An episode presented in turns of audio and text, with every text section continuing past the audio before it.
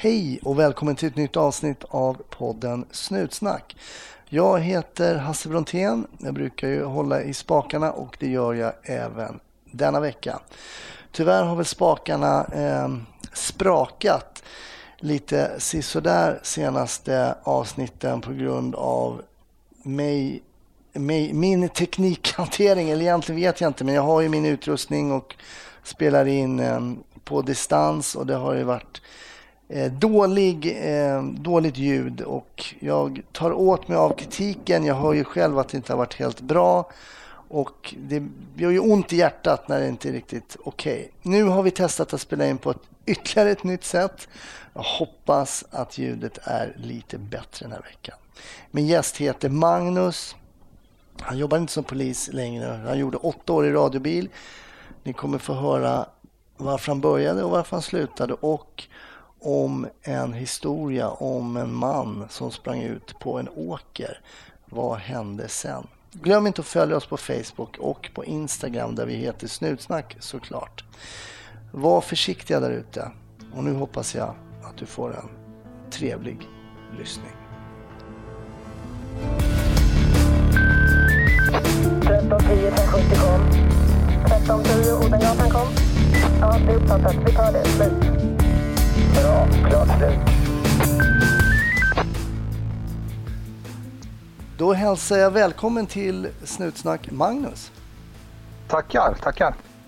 Det här är ju någon form av um, premiär också för nu spelar vi alltså in över eh, nätet, över uh, Messenger, testar här. Vi har ju haft lite problem här Snutsnack med ljudet men um, ja, skam den som ger sig.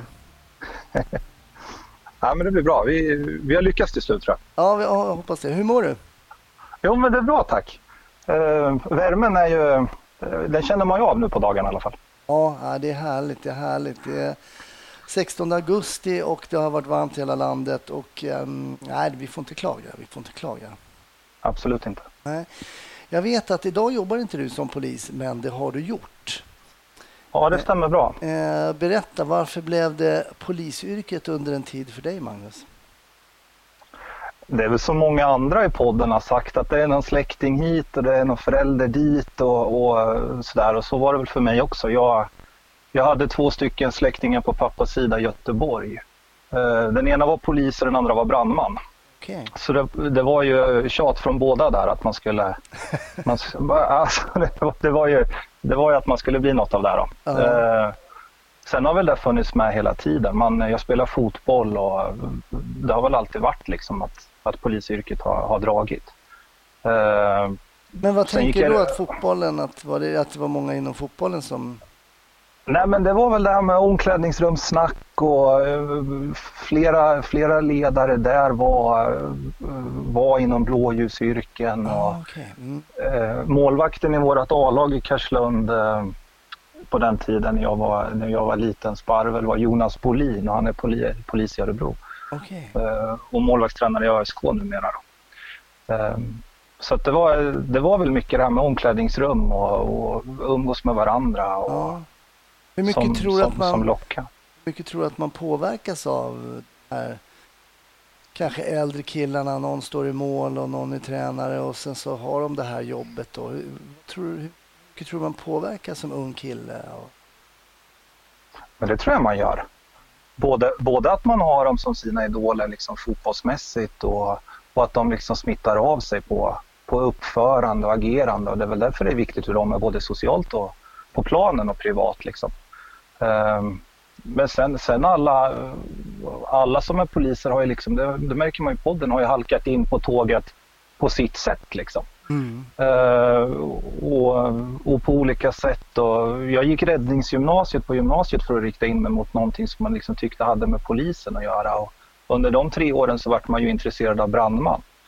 Uh, och kanske fundera på att söka det. Och så, så skickade man in en ansökan där och sen, sen var det ju regeringsskifte 06 när Moderaterna skulle ha 20 000 poliser. Och så, sökte man, så sökte man polis då också fast man var väldigt ung.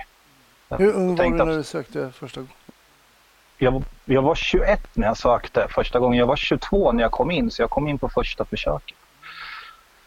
Um, Men då hade man jobbat många år innan och jag började jobba redan på Lens när jag var, gick på gymnasiet och sen var jag på MQ efter lumpen som säljare så man hade ju jättemycket kontakt med folk och man kände sig väl rätt, alltså trots sin unga ålder så hade man ju många års arbetslivserfarenhet med sig liksom, mm. att träffa folk. Och jag kan väl känna att mina år i, i, i butik, så där med kundkontakter, har varit jäkligt bra att ha med sig in. Liksom. En, ett jobb som då kanske inte klockrent låter som någonting som man ska ha användning av i polisyrket. Men vad var det där då i, i kundkontakter i butik som du kände att du hade nytta av i, sen i jobbet som polis? Ja, men prata med folk. Uh, för det kan jag känna, det är ju en jättelikhet på de två yrkena, alltså just att träffa människor hela tiden. Uh, och, och, i butik uh, kunde man även träffa på folk som var irriterade när de kom med reklamationer och, och inte var nöjda med, med sakerna, varorna de har köpt. Liksom. Att man fick försöka medla där och hitta lösningar. Och, Just det. Och, och så. så att jag, det har jag nog känt under alla mina år som polis, att jag har haft, haft med mig mycket. Liksom. Uh, och kunna prata med folk. Alltså där gäller det att sälja på folk men som polis kan det också, det blir också att sälja på folk. Att man, man vill ha med någon eller liksom, det blir lite förhandling och, Just det. och, och prata med folk. Liksom. Rätt intressant att man inte har något egentligen retorik. Jag vet inte hur det är idag men just det här med att prata med folk och för det är så oerhört viktigt tycker jag, just den här kommunikationen med människor som dyker in, människor som dyker in i olika faser. Alltså av liksom sorg, eh, aggression, ledsamhet, glädje. Det kan ju finnas allt möjligt där. Och där är inte alltid det enklaste. Om man inte har jobbat i butik eller inte har jobbat just med den här kontakten med människor in och kanske har jobbat på ett lager eller vad som helst. Kört en truck i fem år och inte sett en människa, eller på Nej, men så mycket som vi pratar med folk. Eh, och det kan man väl ha med sig från fotbollstiden också. Vi hade rätt mycket grabbar med utländsk bakgrund i, i laget. Uh, och jag kan känna att man har med sig rätt mycket liksom tugg därifrån som man också har kunnat använda i, i, i omklädningsrummet när man har varit i utsatta områden och så som polisen. Liksom. Kunna, förstå, kunna förstå dem och relatera till, till mina kompisar. Hur hade man tagit diskussioner med dem? Och, och det är väl någonting som man har fått beröm av med kollegor. Liksom, att ah, men du är så duktig att ta de här grabbarna och tjejerna. Liksom. Eh, det har man ju ofta också haft med sig. Liksom, att man, det blir lite den här klassiska prata med bönder på bönders vis. Liksom. Det, ja, den, ja. nej, men den, den stämmer verkligen känner jag. Ja, men det gör den. Och många av de dåliga ingripanden som jag har sett har börjat med, med polisens liksom dåliga verbalitet. Eller dåliga, det är aldrig bra till exempel ett exempel som jag hade, det, jag tror jag drog det någon gång när jag jobbade på skolan också, när jag jobbade med en polis. Det första han säger till en person så här, sätt dig ner. Ja. Sätt dig ner. Han bara, varför ska jag sätta Hör vad jag säger? Sätt dig ner. Mm. Vem tilltalar en människa överhuvudtaget? I vilket sammanhang säger man liksom det första man säger, sätt dig ner? Man hinner ju oftast i alla fall säga, eh, jag heter Hasse, jag är från polisen, du får sätta dig ner här så kommer jag tillbaka till det om 30 sekunder eller när det är tre minuter. Men ibland så finns det några sekunder till och skapa i alla fall en liten tendens till kontakt. Jag menar, börja med bara liksom nästan konfrontation blir sällan bra. Nej, men så är det ju. Jag, och jag kan väl känna att vi inte pratar jättemycket, alltså att inte det ligger ett större retorikblock. Jag minns inte ens om vi hade någonting i Umeå på, på den tiden när jag gick där som var, var retorik. Liksom. Men du gick i Umeå alltså? Ja, det stämmer bra. Eh, 07 till 09. Men eh, var bodde du då, då när du drog iväg till Umeå? Innan Umeå eller där uppe tänkte du? Nej, jag tänkte innan. Innan eh, bodde jag i Örebro. Jag är från Örebro. Okej. Okay, ja. eh, och så hamnade ett gammalt, en gammal flickvän hamnade på sin utbildning i Umeå i samband med att jag hade sökt Polishögskolan.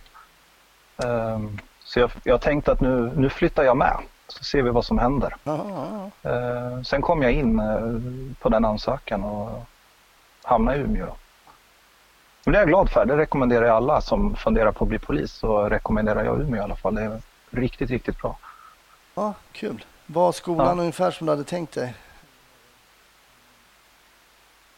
Man, man, har, inget, man har inget att referera till. Nej. Men det, eh, nej, men jag tror inte att det kanske var riktigt som jag tänkte mig.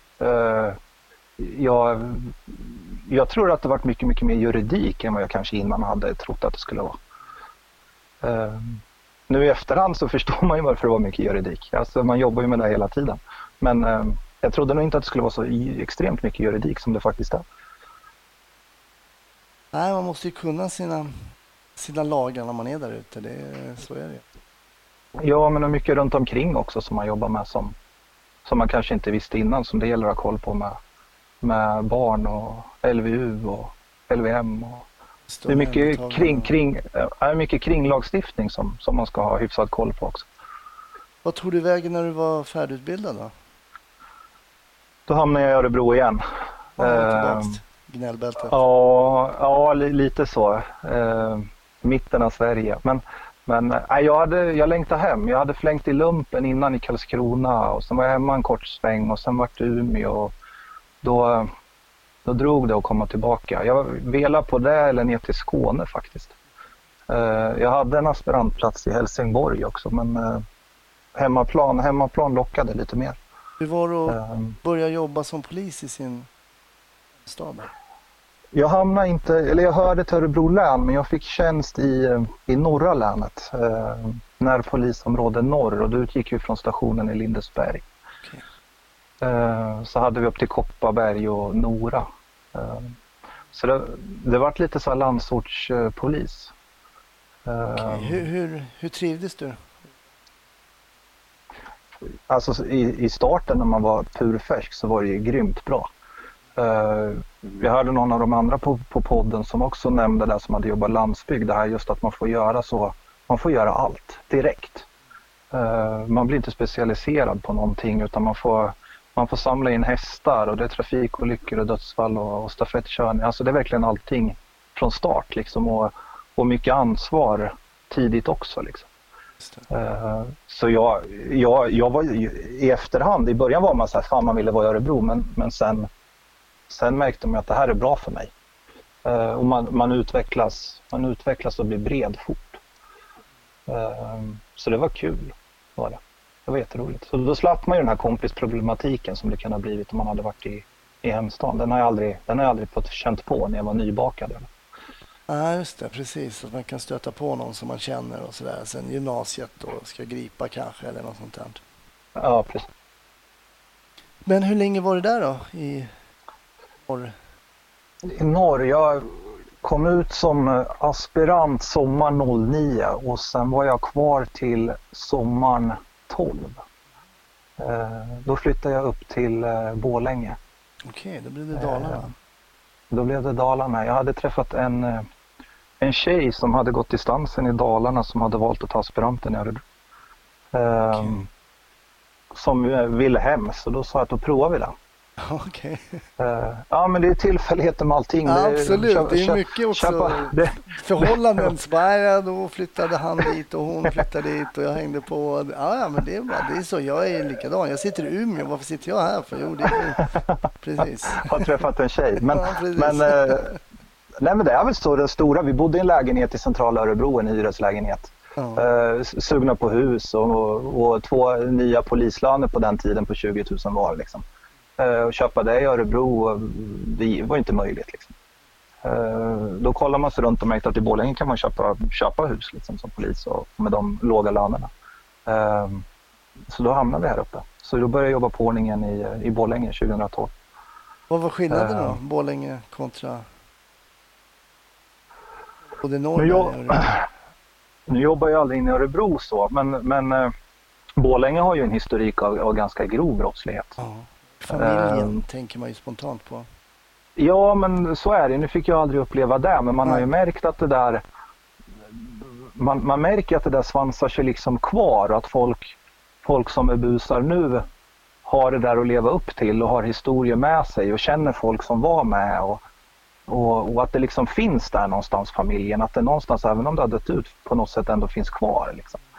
Och, och då när jag flyttade upp så reagerade jag ganska tidigt på att det var en ganska grov brottslighet.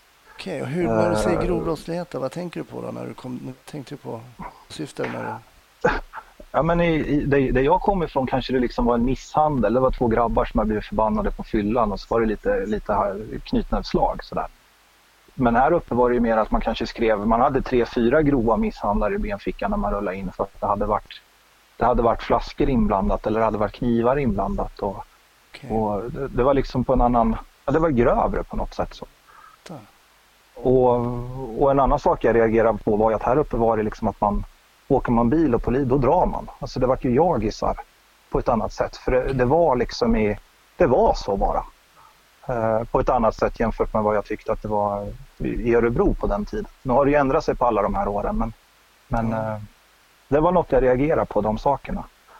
Eh, Ja, att intressant. det alltså, det, det är ju inte så långt ifrån varandra egentligen, men att det kan finnas en annan kultur, liksom just kanske inställning. Jag har varit med om det där själv också. När jag jobbade på den här rave-kommissionen åkte vi upp till Luleå. Ja. Fick ett helt annat bemötande där. Det var på krogen och visa brickan civilt där. Det var bara så här, "Pff, tror att du är, jag sticker ifrån. I Stockholm Ja. var det så här, ja, nu gå åt sidan och snacka. Ja, ja, nu är polisen här och så, men inte alls så i Luleå. Nej. Så att visst, det finns nog en kultur där i hur man bemöter och hur man blir bemött av polisen också. För att polisen har ju också olika arbetssätt i olika delar av landet beroende på bemanning och så vidare. och så vidare. Ja visst är det så, absolut. Och det märkte man ju när man flyttade upp hit. Man kom från Örebro län som var ett ganska till ytan litet län. Eh, med fyra dygnet runt stationer. Örebro låg i mitten och till de här andra tre stationerna så var det liksom inte längre än, än fyra mil.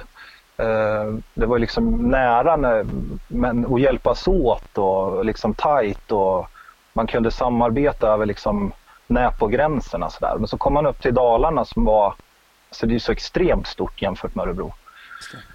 Eh, det, och det var ju också en sån här, oj, alltså oj vad långt det är liksom så.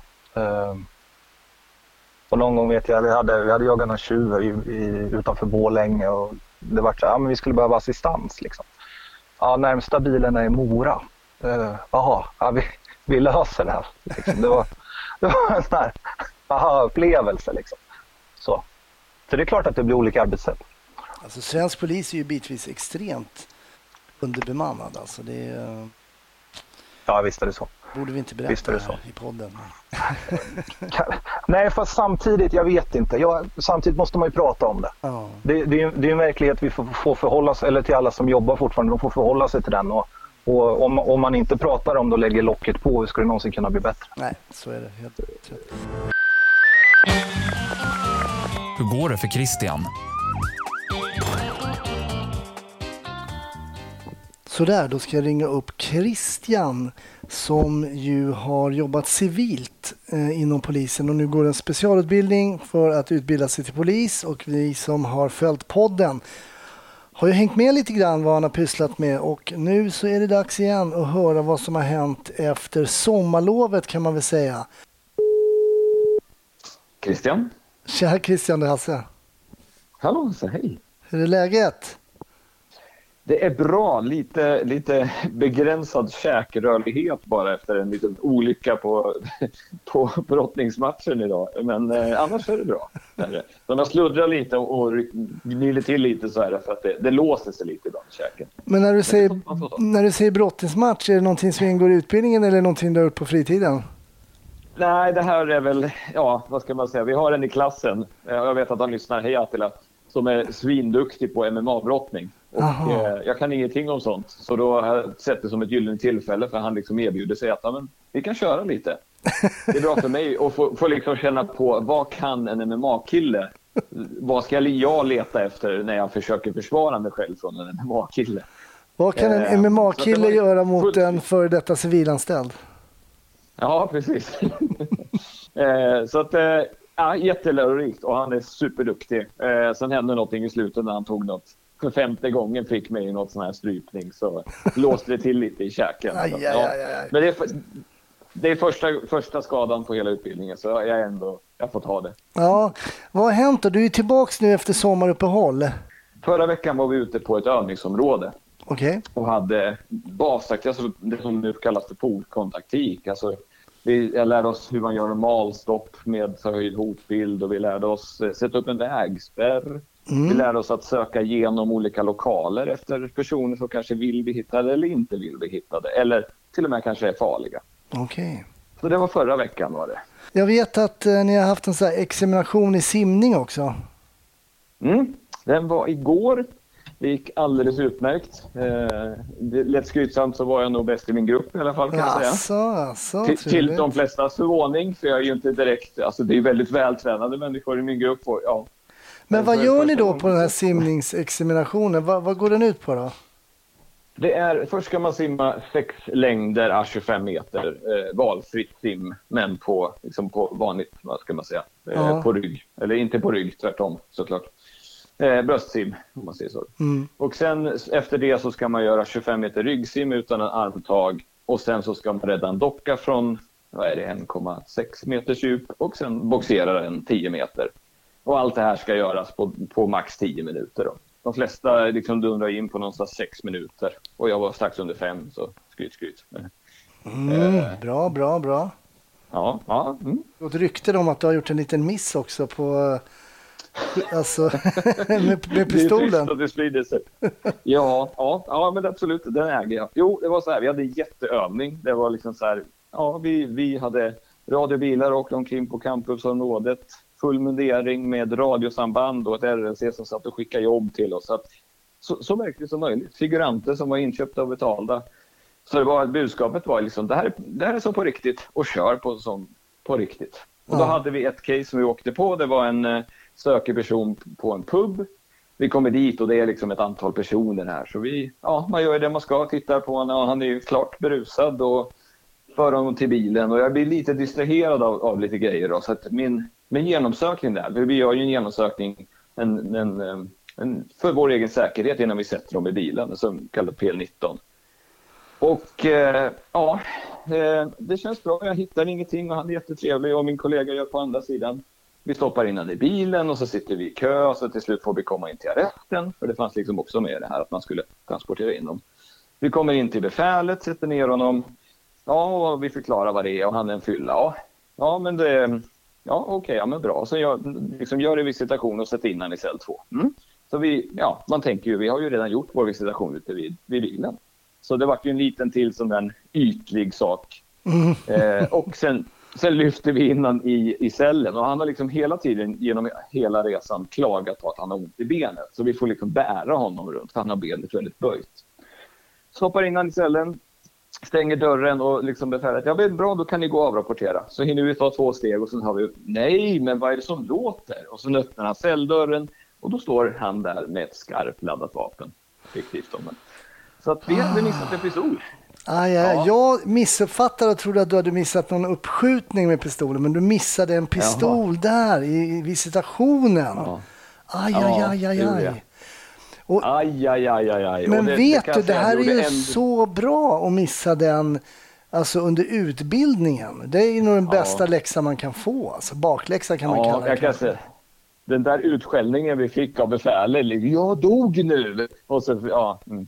och sen tror man på. Det är, jag kommer ju aldrig mera vara försiktig i mina genomsökningar. Det är ju lite där, man måste ju gå in och känna liksom, ja, in mot skrevet och känna så att det inte sitter här. Men vad hade han den då i-. I kalsongerna då typ, eller?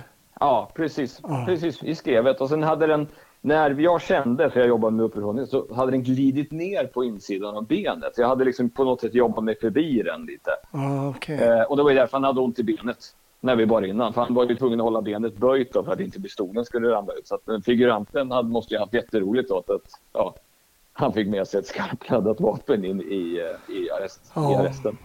Ja, men Eh, det sen där är ju nästa- väldigt ja. intressant. Ja, förlåt, jag avbröt dig där. Ja. Nej, jag tänkte säga, och sen nästa, ja men nästa, då förlitar man sig på, men jag gjorde ju ett hyfsat jobb första gången.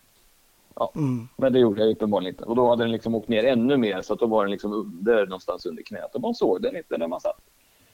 Så att, eh, ja, det, jag kan säga det där, jag hade byggt upp lite sån här polis självförtroende under hela den där övningen på alla de andra fem stationerna som gick jättebra. Ja. Det var helt borta efter den där missen kan jag säga. Jag var riktigt, riktigt låg igår. Jag ber om ursäkt till mina kollegor som fick ta hand om mig. Nej, det där, det sitter hårt. Men Ja. som du säger, en fantastisk lärdom att få. Men ja, Mycket intressant. Hur långt, nu är det inte så långt alltså tills du eh, blir färdig polis om du inte fortsätter att missa massa saker.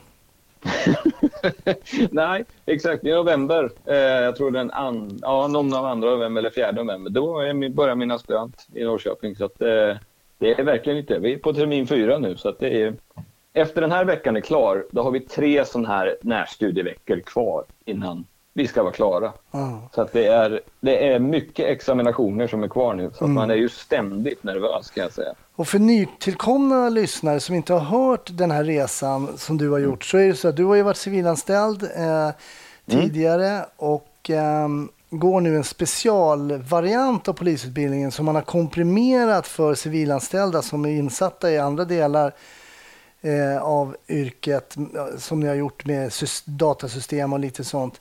Men man har komprimerat ner det här till ett år. Ja, det stämmer. så att man har ju liksom tagit, vi ska ha samma förutsättningar vad det gäller det alltså fysiska och, och tekniska utöver och lagstiftning och sånt som vi förväntas kunna på ett annat sätt. Och sen har man bara tryckt ihop det. Så, så lärarna pratar ju nu om, om FIP, FIP-tid, det kallas ju för FIPPar, funktionsinriktade polisutbildningen, och vanlig tid.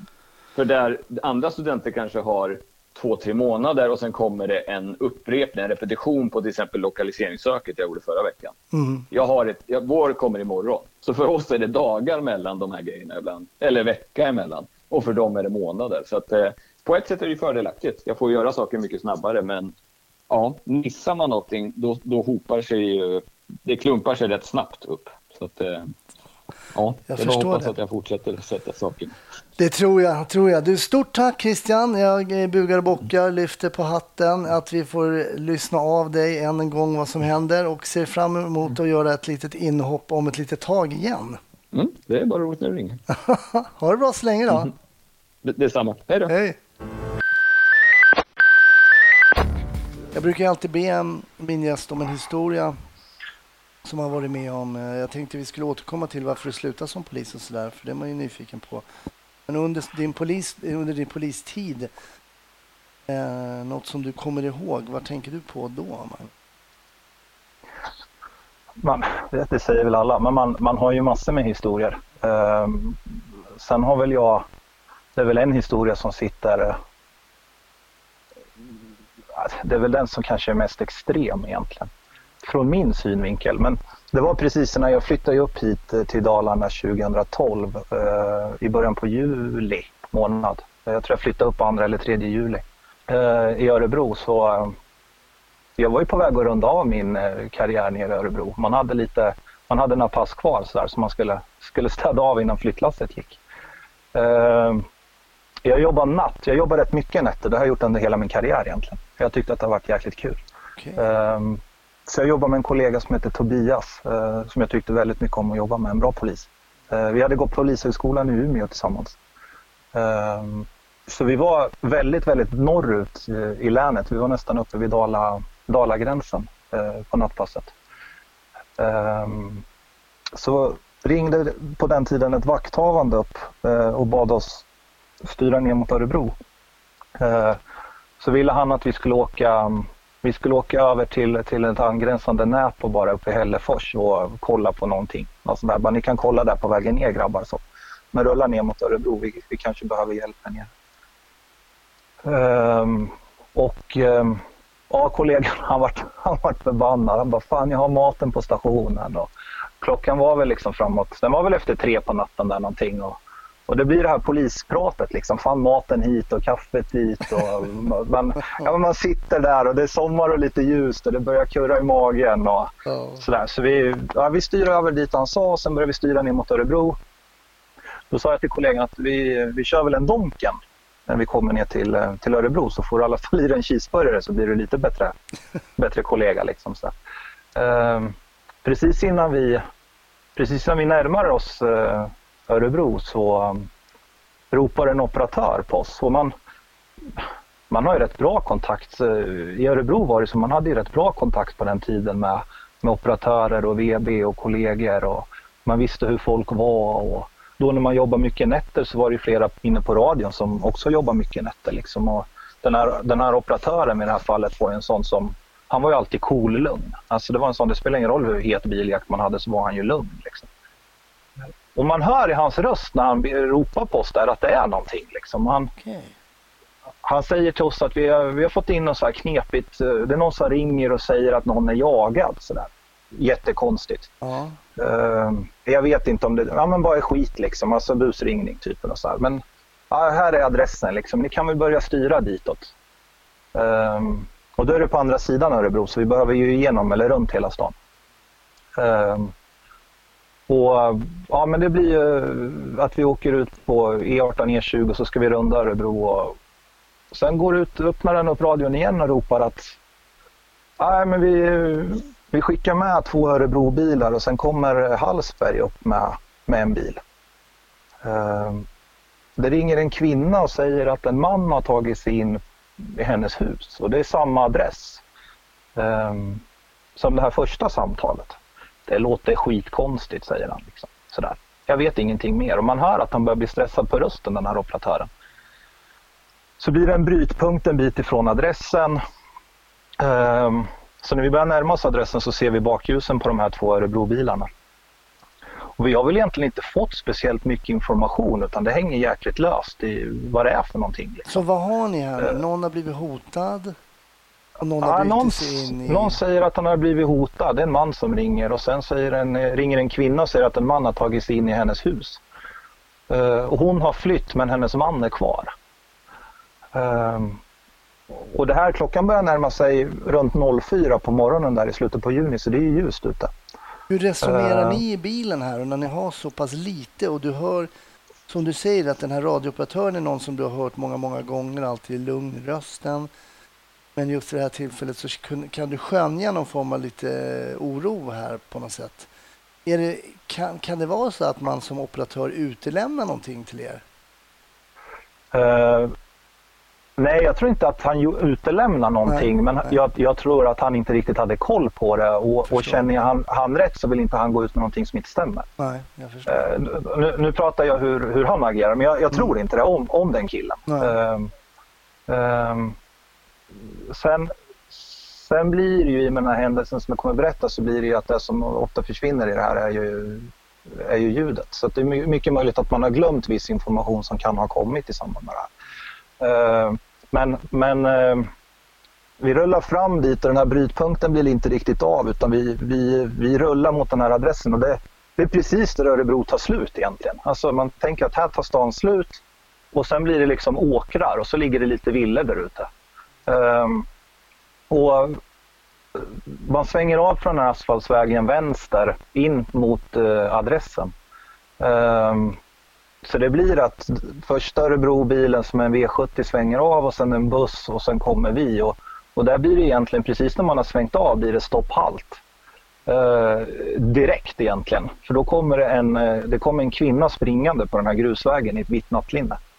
Eh, och det ser ut som att hon springer rakt ut ur en skräckfilm. Alltså hon, eh, som jag minns henne så var hon, alltså hon såg ut som ett lik mer eller mindre. Vad var för ålder på eh, den här kvinnan? ja, men så medelålders, 40 plus. Ehm, helt, alltså det ser ut som att det är ett spöke som kommer och springer emot den liksom, och är helt förtvivlad. Så. Ehm, så vi sitter ju i bilarna där fort och, och kollegan jag har med mig, Tobias, är ju en kollega som jag, som jag har sagt är, det är en jävla bra kollega att ha med sig liksom, och man vet att han är duktig på, på skytte och vapen och taktik och sådär. Ehm, så det blir att, att två, två poliser från, eh, från Örebro blir som fångar upp den här, bland annat den picken som var utsedd. Ehm, Picken då, om vi förklarar det för lyssnarna som inte... Vad är pick för någonting? Då? Hon, hon var utsedd till polisinsatschef på platsen. Så ren, ren krasst är hon som bestämmer på plats då. Ehm, men vi fångar väl upp det där och, och det är ju jätterörigt för vi vet ju fortfarande inte riktigt vad som har hänt. Men det som snabbt kommer ut är att en, de har vaknat mitt i natten av att en man står i deras hall, eh, säger att han har blivit jagad eh, och att han är kvar där inne ihop med hennes man. Då. Eh, och att han ska ha en kniv. Ehm, Okej, så han med kniven är den som säger att han har blivit jagad och tagit sig in i deras bostad? ja, precis. Ehm, och hon har lyckats ta sig ut därifrån på något sätt. Då. Ehm, sen vet vi inte mycket mer. Ehm, och vi vet inte riktigt vart det här huset ligger för när vi står på den här lilla grusvägen där så är det skog både på höger och vänster sida och sen ser man bara grusvägen och liten så man ser inte huset. Så jag vet att jag vet att jag sa det tidigt där till, till kollegorna som var på plats att vi behöver ju liksom få koll på, på fastigheten så att det inte kommer någon här helt plötsligt när vi står här. Ehm, och vi får väl tummen upp direkt av, av kollegorna att försöka hitta, hitta huset. Ehm, och vi får väl med oss snabbt där bara att det ska stå någon arbetsbil utanför och det ska vara ett, en, en villa sådär. Ehm, så jag och kollegan vi tar oss på vänster sida ut i skogen och jag tror att båda två direkt höjer beredskapen och går med, går, med pistolen i händerna. Och också, bara eh. förlåt, förlåt att jag avbryter Magnus, men höjer beredskapen, det betyder ju inte bara att man höjer beredskapen rent fokusmässigt, utan när polisen säger att man höjer beredskapen, vad gör man då? På den tiden, nu har det ändrats lite, men på den tiden så var det att man mantlade i en kula i, i pistolen. Precis, man drar upp en kula i loppet så att man helt enkelt kan avfyra ja. fortare. Ut innan, alltså man har redan gjort mantelrörelse så att säga. Den är avklarad. Precis, mm. det räcker att trycka av. Just det, precis. Uh, men uh, vi gör det där båda två och sen uh, försöker vi gå där i den där skogen. Men det var, det var ju skog så det var lite svårt att ta sig fram med vapnet i handen. Så jag, jag vet att jag i alla fall hölstrar uh, mitt vapen och sätter ner det i hölstret igen för att kunna klättra över under. sen kommer vi ut egentligen en liten bit längre fram. Då viker kollegan av höger när vi tror att vi hittar rätt fastighet och, och jag fortsätter förbi huset fast det ligger egentligen på höger sida av vägen så vi går ju på, på andra sidan vägen. Eh, sen på polisen så finns det ju lite olika taktiker men man försöker prata om eh, diagonaler på ett hus. Det är att man ska se, är man två stycken personer så kan man ju ta en diagonal på ett hus för att se alla sidorna på huset mer eller mindre. Ehm, så vi försöker väl snabbt få ihop någon där att, att han ska ta en sida och så ska jag försöka ta mig runt eh, till, till motsatt sida. Ehm, men det här huset ligger verkligen i slutet på den här skogsdungen där så sen är det åkermark. Ehm, så jag, när jag väl har trasslat mig ur skogen så jag har ingen jättebra plats att stå på. Så jag får ta mig in på tomten för där är en jättestor sten till vänster om eh, entrén. Ehm, så jag hamnar bakom den där stenen så jag står ju förhållandevis nära huset, liksom knuten på huset. Ehm, sen får jag även ögonkontakt med en tredje kollega som kommer eh, och står på andra sidan huset som jag kan titta på. Ehm, och under den här tiden när vi står här så, så börjar det komma mer och mer information. att Det ringer ju någon man inifrån huset och säger att och då är det den här personen med kniv som ringer och säger att någon blöder och Ja, det är jättemycket konstiga saker som kommer via, via radion som rings in från huset. Ehm, på den tiden så har Örebro en, en insatsgrupp. Ehm, de är inringda och förhandlare är inringda också. Ehm, okay. Men det är på morgonkvisten så man vet ju att de har en stund på sig. Har du, har du full koll på hur många ni är där totalt och sådär? Nej, det har jag inte. Jag vet ju vilka bilar som var på plats eh, och som skulle komma dit. Då. Eh, sen fick jag ju syn på den här kollegan så jag visste att han var på plats. Då. Men sen, sen vet jag inte hur, exakt hur många vi är. Inte, inte då i alla fall. Ehm, men jag står ju så nära huset så jag hör ju när det blir rejält eh, tumult inne i huset eller vad det nu är som händer där inne så hör ju jag det ganska, ganska tydligt. Hur länge jag står vid den här stenen det minns inte jag. Ehm, man blir ju man blir så inne i sitt eget. Alltså man är så, vad är det vi har? Och man försöker liksom bilda en bild. Vad, vad är det? Vad ska vi göra? Vad gör vi om man kommer ut? Vem är det som kommer ut? Vem blöder? Vem, ja, precis. Vem blöder och vem har kniven när den kommer ut? Är det hennes, hennes sambo som har kniven? Eller, man, man vet ju inte. Man vet nej. ju inte hur folk ser ut. Nej, nej, nej. Um, helt plötsligt så hör jag en rejäl, det var efter att vi hade fått att någon blöder, då hör jag en rejäl duns och, och ett rejält tumult inne från fastigheten. Um, och det är en vanlig enplans, enplansvilla rätt på den nybyggd 90-tal och sånt där, byggd på platta så. Alltså. Um, ehm, och jag vet att jag ropar i radion då till polisinsatschefen och säger att vi, vi måste gå in för annars kommer det här kommer inte, vi kan inte vänta. Och jag går ju bara på någon magkänsla. Det, är, det är där man har, att man bara känner att det här, det står inte rätt till. Liksom. Um, och svaret som blir direkt blir att vi går in. Um, så när jag närmar mig entrén, då går jag lite till höger för att komma till entrén. Så har ju kollegorna slutit upp. Så då är vi ju några stycken, fyra, fem stycken där. Um, och jag vet att jag fortfarande har OC-sprayen, den har jag tagit fram där någon gång och den har jag, den har jag i handen då. Um, och eh, ja, ytterdörren är ju låst naturligtvis. Sen är det sånt här litet burspråk i köket, sånt här klassiskt litet. Och jag vet att en av, en av kollegorna hon, eh, hon började slå sönder glaset, alltså i fönstret. Okej. Det var ju tre, glas, det var ju tre glasfönster så det hände ju, hände ju ingenting. Det var ju inte ens ett hål knappt. Liksom. Okej. Ehm, och säga att ja, men vi kan inte krypa in där. Då, då hade vi fått krypa in genom ett fönster. Jag sa det går inte om någon är med kniv där inne, kan vi inte krypa in. Liksom. Ehm, och ehm, då när man tittar liksom, och fokuserar, vart kan vi gå in nu? Då ser man rakt igenom huset, så man ser ut på baksidan. Då ser man att det står en altandörr öppen på baksidan och sen är det ett inglasat uterum. Ehm, så ja, det blir väl någonting att vi, vi går runt eller alltså det, Hur det pass, blir väl någon ljust, slags... hur pass ljust ute är det det är ju som det är på sommaren, det är ju ljust. Det är ljust. Alltså det, är, ja. det, är, det är dagsljus. Ja. Ehm, klockan är runt fyra på morgonen. Så jag springer ju, alla rundar ju huset. Så jag rundar ju åt det här hållet som jag har stått vid den där stenen, det blir åt vänster. Ehm, jag rundar den vägen. Ehm, kommer runt på baksidan, då på den sidan där jag har stått som jag nu är, där är en liten, liten stenmur som är jättelåg. Så. Sen är det stenplattor, alltså vanliga uteplattor som det är på en och sen är i bortre delen på huset, där är det här inglasade uterummet. Så hela baksidan var inte inglasad utan bara, bara halva. Och precis när jag kommer runt där, så på den här sidan där jag har stått på baksidan så är det en altandörr. Och en liten trappa. Huset var byggt på en sån här, det var byggt på en betongplatta så att det blir som ett trappsteg innan man liksom kommer upp. Så det är lite nivåskillnad.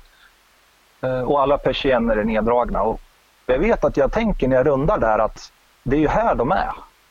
Det var därför jag hörde allting så tydligt. Det är den här änden av huset de är. Um, och jag ser att några kollegor är, på väg mot det här eh, ute, uterummet och så ser jag ett handtag på den här altandörren. Så tänkte jag att vad fan, jag måste ju pröva. Det blir ju bara att man, man går ju bara på ett ryggmärgsbeteende. Liksom. Um, och jag vet att när jag känner på handtaget försiktigt, försiktigt så, så följer det med upp. Liksom.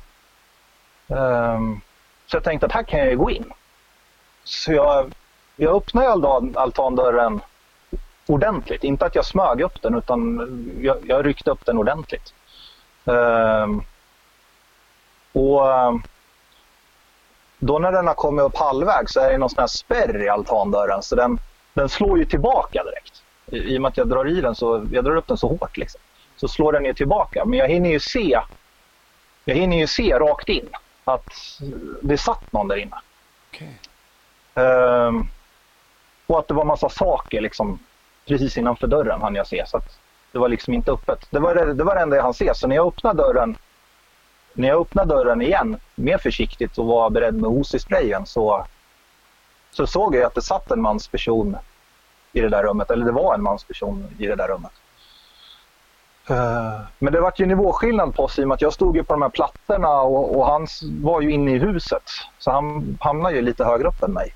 Eh, Och det var ett sånt här myggnät som man kan spika ihop med lite reglar och sätta för fönster och lite sånt här som, Ja, man, det. eh, som många har i sommarstugor och sådär. Och det, det högst uppe var trasigt så det hängde lite så här. Ehm, och det var därigenom jag såg honom. Sen såg jag honom bara från hans axel och uppåt. Det var det jag såg. Sen var det möbler i vägen. Jag såg ingenting mer. Ehm, Det var bara honom visste- du såg och du vet ju inte om det här är då eh, fastighetsägaren eller om det är den som sägs ha brutit sig in. ing, ingen aning. Ingen aning. Ja, jag förstår. Eh, och den där människan han, han tittar på mig som att man lutar huvudet åt höger och sen tittar han på mig. Så han sitter inte rakt mitt emot mig utan han sitter liksom med, med sidan mot mig, sin högra sida mot mig, så tittar han på mig. Uh, och jag vet att jag håller upp OC-sprayen mot honom och ja, jag skriker ju polis och ganska omgående där så höjer han båda sina armar över huvudet och då ser jag en gigantisk kniv. Uh, som han håller ihop om man liksom knyter nävarna så håller han en kniv så rakt över huvudet liksom. Så. Eh, och är helt borta. Eh, Hur menar du då helt borta?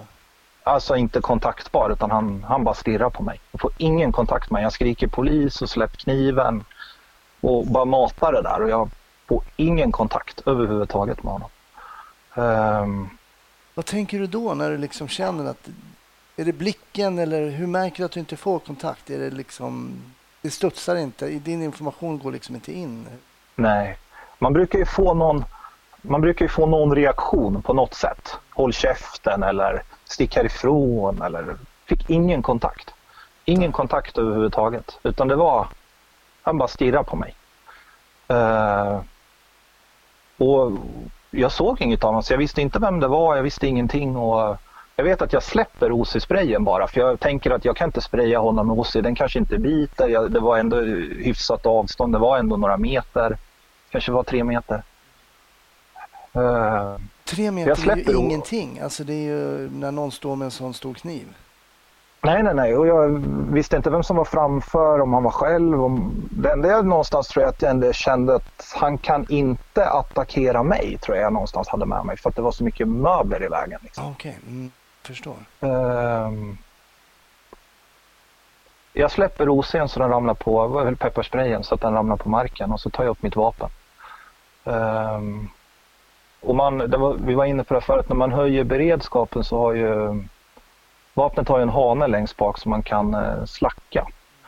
Eh, det är så att det blir lite mer tryck i, man behöver trycka lite mer på avtrycken för att, för att få skottet att gå iväg. Just om den är slackad ja. Om den är slackad, ja. ja och det har ju jag, det har jag gjort där när jag har, har höjt min beredskap. Um, och, och satt ner pistolen i hölstret igen. Um, jag, höj, jag tar upp mitt vapen och sen siktar jag på, på honom. Uh, och det enda jag har att sikta på det är ju rakt i, i huvudet. Um, och jag fortsätter ju mata med att han ska släppa kniven och um, så jag börjar ju trycka av ehm, för att skjuta. Ehm, Men då, vad, vad känner du då? Är det för att du känner hotet mot dig? Men där hade du ju möbler. Men vad är den här, vad är den här andra personen? Då? Nej, men man har väl byggt upp allting med, med historien man någonstans har fått. Att det är en man där inne, det är någon med kniv. Eh, man har hört det handgemänget när jag stod ute där i början. Man, någonstans vet man ju att det är två personer där inne. Eh, han har den här kniven med sig, man vet att någon blöder. Eh, men det är klart att det är lite information. Alltså där står jag och trycker av mitt vapen och siktar någon annan människa i huvudet. Och egentligen så vet jag inte riktigt vad jag har. Jag vet ju egentligen inte riktigt vad jag har framför mig. Eh, Det kanske är han som bor där och som är i chock. Alltså det, det, det är jättelåga odds på att, eller det är jättedålig information man egentligen har. Ja, verkligen. Ehm, Och de har varit färdig polis i två och ett halvt år när man står där. Men, men ehm, jag står ju och trycker av. Alltså jag känner ju att jag trycker av och trycker av och trycker av. Alltså sakta, sakta, sakta, sakta, sakta. Ehm, och jag står väl egentligen och bara väntar på smällen igen. Så. Ehm, sen av någon anledning så um, vet jag att jag har en jättestor gräsmatta till höger om mig som jag ser i, i, i, i sidan. Liksom. Och eh, jag väljer ju att dra ett, ett varningsskott i gräsmattan. Ehm, och när jag är på väg upp med mitt vapen igen mot, mot honom så Men har han ju släppt. Ja, just det. Ja, precis. Han reagerade. Då han-. Ja. Ja, då släpper han kniven. Ehm, och då skriker jag lägg dig ner. Ehm, och då gjorde han det, han la sig rakt ner men då försvann ju han i våra, han försvann ju våran syn då när han la sig Ja, ner. ja, precis. Ja. Så då vart det ju att vi, då fick vi agera. För då, då försvann han ju liksom. Så. Han, det var ju saker i vägen liksom. Men ni kommer in till Ehm. honom då? Vi, eh, ja, det gör vi. Ehm, under hela den här tiden jag hamnade vid den där altandörren så har jag haft en kollega med mig som jobbar i Hallsberg, i ett annat distrikt. Han har, eh, han har stått med en sköld precis bakom mig. Precis bakom mig. Eh, hela tiden när det där har hänt. Eh, så han har ju stått och sett mitt, han har ju stått och sett mitt vapen och siktet och han har ju sett att jag har stått och siktat med huvudet och sett att jag trycker av vapnet hela tiden. Så han har ju också bara stått och väntat på, på smällen. Liksom.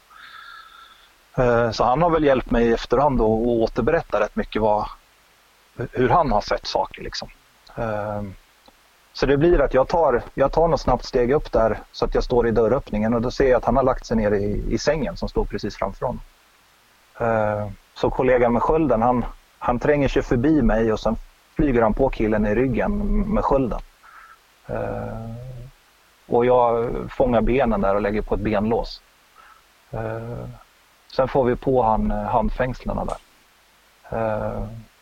Och ganska fort ut, ut ur rummet och ut på gräsmattan med honom.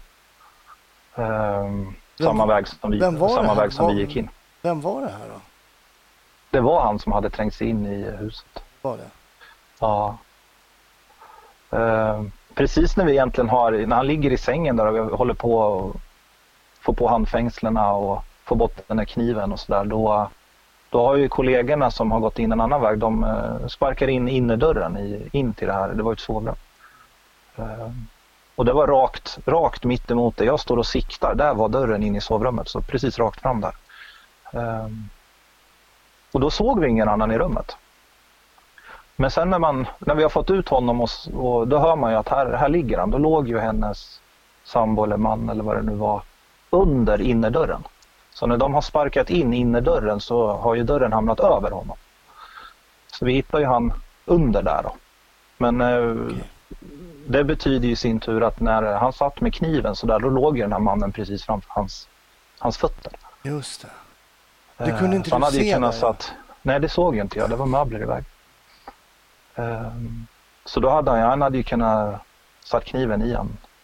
Bara men, så då. Men den här killen som bodde där då, var han... Då, det var ju någon som sa att någon blöder. Blödde han på något sätt? Var han skadad? Ja, det var han. Uh, vi hade ju tur, ambulansen hade ju hunnit kommit dit. Uh, så direkt när vi hade kontroll i det där så kunde de börja vårda och han, uh, han var knivhuggen. Jag minns inte hur många gånger det var, men han hade en punkterad lunga.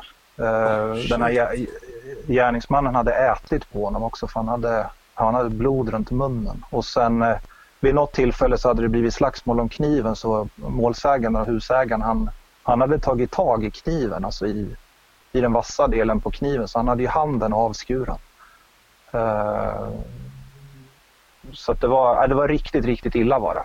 Ehm, jag har för mig på någon rättegång eller det var någon gång jag läste om att han det var, det var jätteilla med honom. Så hade vi inte gått in så hade han kunnat struka med där med punkterade lungan och så. Ja. Vilken, vilken, alltså vilken mardröm att någon bryter sig in i ens eget hem och då kanske, jag vet inte om den här personen var en drogpåverkad eller var han psykotisk på något sätt eller vet man varför han var så, varför han betedde han, sig som han gjorde? Han, han var drogpåverkad. Um, det här var väl i samband med när kannibaldrogen eh, spred sig i Sverige. Sen om det var den han hade eller inte vet jag inte, men jag har att det var då det var på tapeten. Och det kom väl fram under utredningen att han hade varit hos någon kompis och småpundat där ute någonstans på åkrarna. Och han och polaren hade hamnat i någon. De trodde att de var ovänner och skulle ha ihjäl varandra. Så han hade ju kastats ut genom något fönster hos kompisen och sprungit över åkrarna. Trodde att kompisen sköt efter dem. Och Okay. Ja, alltså det var rejält snedtändning på, på narkotika.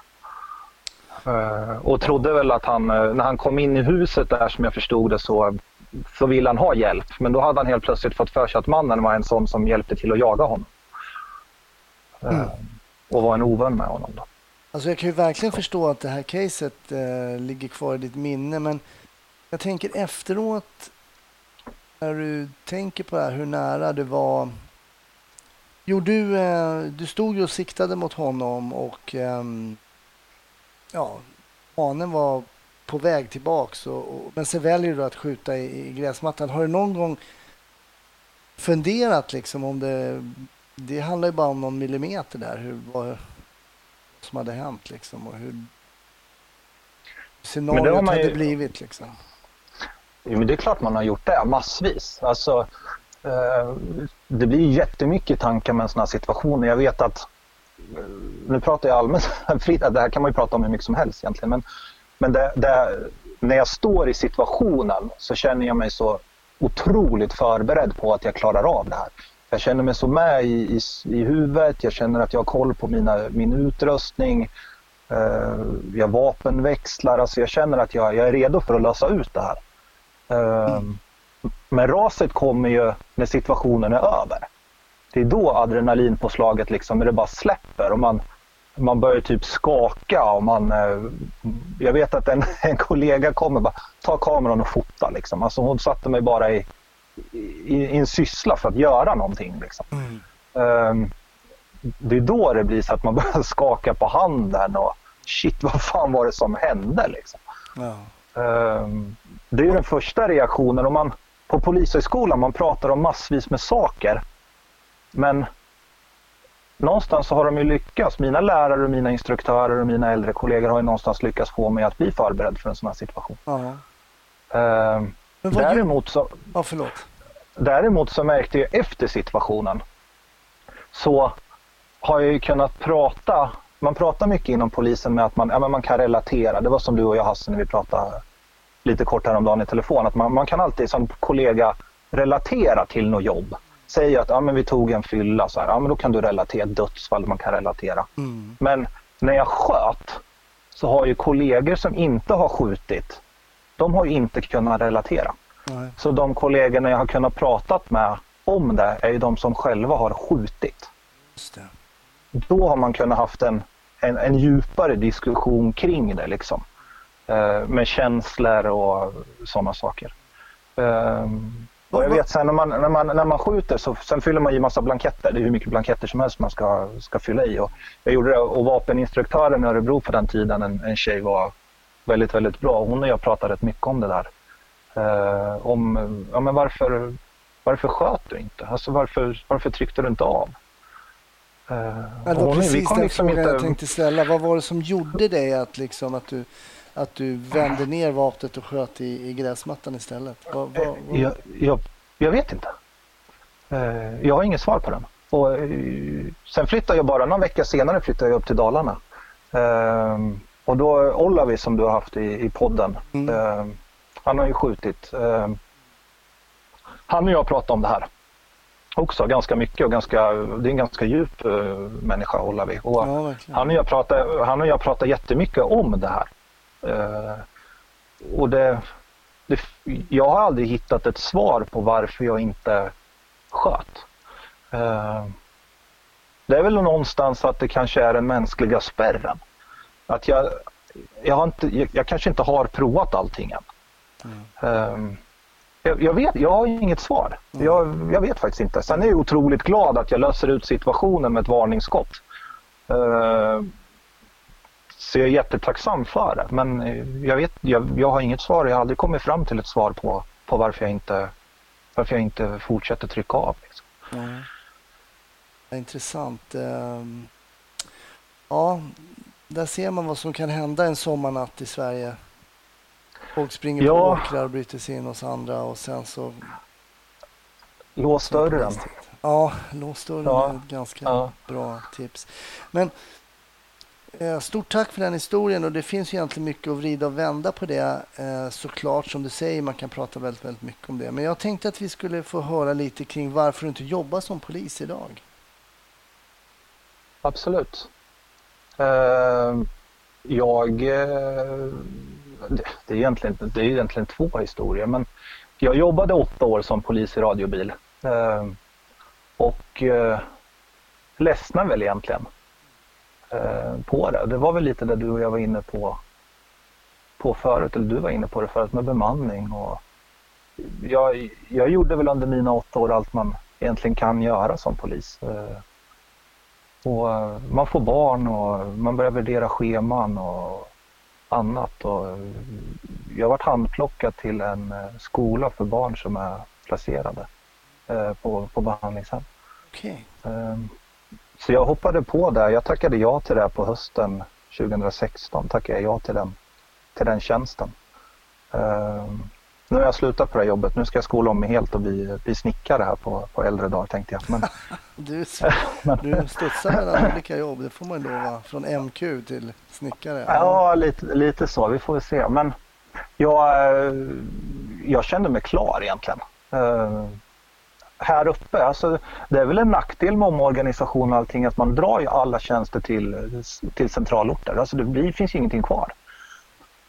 Eh, Så det är väl en nackdel, just att det tar stopp. Liksom. Ja, men trots att du har slutat då, sitter du nu och tar igen liksom alla gamla minnen genom att kolla på, eh, på Beck? Nej, men det, är, det är klart, jag, jag är ju polis ut i fingerspetsarna och, och när jag lämnade polisen i Borlänge så var det kollegor som sa att vi trodde aldrig du skulle lämna, du var ju tog polis liksom. uh, nej men det är klart man, det är klart man gillar uh, kriminalare på tvn, så är det ju. Man, jag längtar väl tillbaka varje dag, alltså till, till polisen och, och allting sånt. Men, men uh, det är andra saker i livet som ska värderas och sådär. Det är klart att en, en, en Beck-film eller en Johan Falk-film, det, det slår ju mycket en, en fredag, lördag kväll. Liksom. Vad, men vad skulle du rekommendera lyssnarna om, om eh, I förströelse? Alltså, det behöver ju inte nödvändigtvis vara en, en svensk polisfilm. Det kan vara någonting annat, en serie eller en bok eller vad som helst. Det är ju ändå fortfarande pandemitider och folk vill liksom um, kanske förkovra sig eller eh, hålla sig. Vad skulle du rekommendera dem? Det finns mycket bra. Jag, det, det, sista jag har sett här det är faktiskt en, en eh, dansk serie som heter Den som dräper. Den har några år på nacken. Eh, men eh, den vill jag nog. Har man inte sett den så tycker jag att man ska kolla på den. Som dräper? Den som dräper. Var hittar man den då? Via Play. Ja, Play. Men danskarna är bra på sånt där. Det finns ja, en hel del att, att vrida och vända på. Och sådär, mm. så att, ja, men den kan jag rekommendera. Det är det sista jag har sett i alla fall. Ja, men det, den har jag inte fått in som tips, så det tackar jag för Magnus. Och du, stort ja, tack att um, jag fick ta din tid och jag hoppas också ni som har lyssnat att um, ljudet är lite bättre idag eh, än vad det har varit och det ber jag om ursäkt såklart att det blir så. Magnus, jag bugar och bockar och lyfter på hatten. Tack så jättemycket. Tack att jag fick vara med.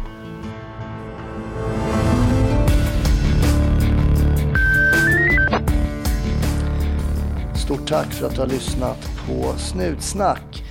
Podden kommer ut varje vecka och så blir det även nästa. Så jag hoppas du håller ut tills dess. Ha det fint så hörs vi.